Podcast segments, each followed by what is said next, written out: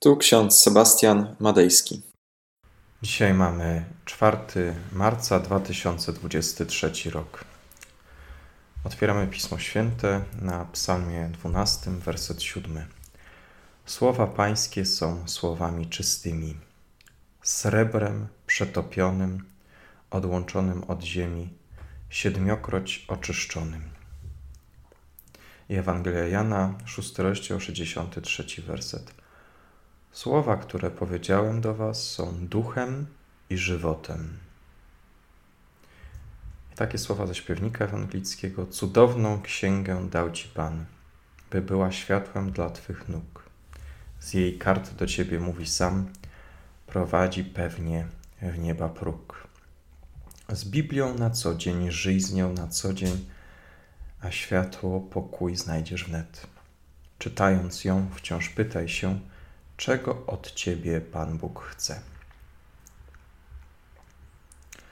Drodzy, Słowo Boże nas umacnia, wspiera i pokrzepia. Jednak czasami przywodzi nas też do porządku. Zachęca do nawrócenia, apeluje do naszych serc, sumień, wzywa nas do zmiany naszego życia. My, chrześcijanie, powinniśmy codziennie zajmować się Słowem Bożym, nosić je w naszych sercach i na naszych ustach. Słowo Boże jest świętością ponad wszelkie świętości, jakie mamy tu na ziemi. Nie ma nic świętszego na tym świecie od Słowa Bożego. Luther powiedział: Słowo Boże jest skarbem, który wszystko zmienia na lepsze, to znaczy uświęca ten świat i przemienia go. Kiedy praktykujemy Słowo Boże, głosząc je, słuchając, czytając lub rozważając je, uświęcamy w ten sposób dzień miejsce, również osoby, które słuchają tego słowa i pragną go wykonywać. Nie ze względu na jakąś naszą pracę, ale ze względu na słowo, które uświęca nas wszystkich stopniowo. Całe nasze życie i praca powinny być związane z realizacją Słowa Bożego. To słowo, jakie słyszymy, zwiastowane, powinno być wcielane w życie. Jeśli Kościół przestaje być miejscem, gdzie jest głoszone słowo, wówczas staje się zwyczajnym budynkiem, nieruchomością, przedmiotem. Natomiast każde miejsce, gdzie głoszone jest Słowo Boże, staje się miejscem uświęconym, pięknym, czystym, drogocennym, wspaniałym. Jest jak srebro, jak złoto Słowo Boże wymaga od nas, abyśmy dbali o miejsce, gdzie jest to słowo zwiastowane. Słyszałem niedawno historię jednej parafianki, która pochodziła z Mazur, która pochodzi z Mazur. Po wojnie działy się tam straszne rzeczy. Żołnierze polscy stacjonowali w miasteczku, gdzie był kościół ewangelicki, a ponieważ uznali, że to szwabski kościół urąga swoją obecnością oddalonemu o kilka kilometrów sanktuarium maryjnemu, postanowili zaatakować spokojny dom modlitwy. Włamali się do kościoła, zniszczyli krzyż, podarli Biblię, posikali ławki butelki, po wódce rozbili o ściany. Taki obraz zastał w niedzielę pastor, kiedy zobaczył ich tam zabawiających się. Udał się do komendanta, spokojnie wyjaśnił, co się stało powołał się na konstytucję, na prawo, na wolność wyznania. A ponieważ spokojnie i grzecznie mówił do oficera, ten wysłuchał go i przeprowadził dochodzenie.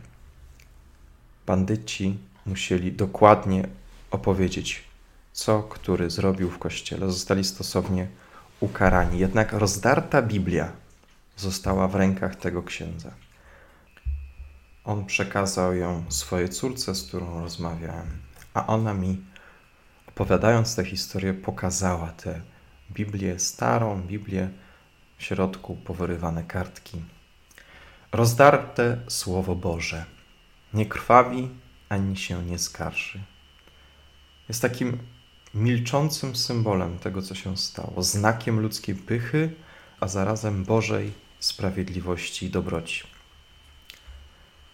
Drodzy, książkę da się zniszczyć, można kartki wyrwać, strony podeptać, jednak Słowo Boże to coś więcej. Słowo Boże zostaje w naszych sercach i działa. Słowo Boże to sprawiedliwość, dobroć, prawda. Tam, gdzie są one obecne, tam działa Bóg. Jak dbać o Słowo Boże? Przede wszystkim poprzez częste czytanie, wcielanie w życie Ewangelii, czyli dobrej nowiny o Chrystusie. To, że Biblia będzie pięknie wyeksponowana w domu, to, że będzie pięknie oprawiona, nic nie znaczy. Słowo Boże musi być obecne realnie w naszym postępowaniu. Z drugiej strony ważne jest też dbanie o Biblię w tym sensie, że dbamy o miejsca, gdzie Słowo Boże jest zwiastowane. Ileż to ewangelickich kościołów, budynków parafialnych jest w Polsce w ruinie. Ostatnio przeczytałem, że jakiś budynek parafialny nie nadaje się do mieszkania, bo jest tak zapuszczony, tak zaniedbany. W miastach, gdzie jest mało ewangelików, mówi się, że budynek kościelny ma zbyt mało wiernych, aby mogli go utrzymać. Oddawane są te kościoły, sprzedawane za bezcen. Są parafie, gdzie wielu jest parafian, ale tylko na papierze, ponieważ tylko mała garstka czuje się zobowiązana, aby pójść do kościoła, aby opłacić składki na czas, aby swoim życiem też świadczyć o tym, że jesteśmy ewangelikami w tym miejscu. Nie dziwmy się więc, kiedy usłyszymy znowu, że taka czy inna tragedia się wydarzyła, bo budynek był nieprzystosowany do współczesnych norm bezpieczeństwa. Czyja to jest wina, jak nie nasza, naszych zaniedbań, zarówno osób świeckich, jak i duchownych, członków Kościoła? My wszyscy stanowimy Kościół. Czy przypadkiem bardziej nie dbamy o nasze domy, nasze mieszkania, nasze ogródki, a to, co dotyczy Kościoła, to, co dotyczy spraw duchowych, to, co dotyczy Boga, przypadkiem nie schodzi na margines? To jest pytanie, z którym nas dzisiaj zostawiam. Zarówno Was, jak i siebie też zostawiam z tym, abyśmy zastanowili się, czy my, ewangelicy, no na ile dbamy o Słowo Boże, na ile dbamy też o miejsca, w których to Słowo jest zwiastowane, nauczane.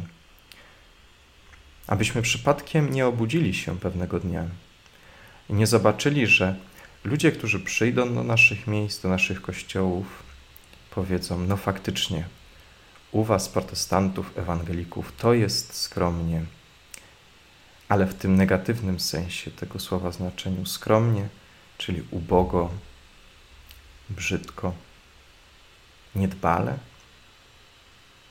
Obyśmy takimi się nie okazali. Amen. Pomódlmy się.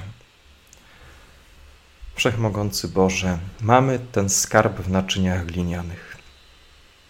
Słowo Twoje, które jest nam dane w tym świecie. Przyznajemy, często zaniedbujemy nabożeństwa, zaniedbujemy też e, społeczność, do której należymy. Jednak, Panie, zmieniaj nas podczas tego czasu pasyjnego, kiedy jest tak wiele okazji do tego, aby na nowo nawrócić się, aby na nowo spojrzeć na nasze życie, nasze postępowanie i aby Twoje słowo było wyeksponowane i aby działało w nas skutecznie. Amen. A pokój Boży, który przewyższa wszelki rozum, tak niechaj strzeże serc naszych i myśli naszych w Panu naszym Jezusie Chrystusie ku żywotowi wiecznemu. Amen.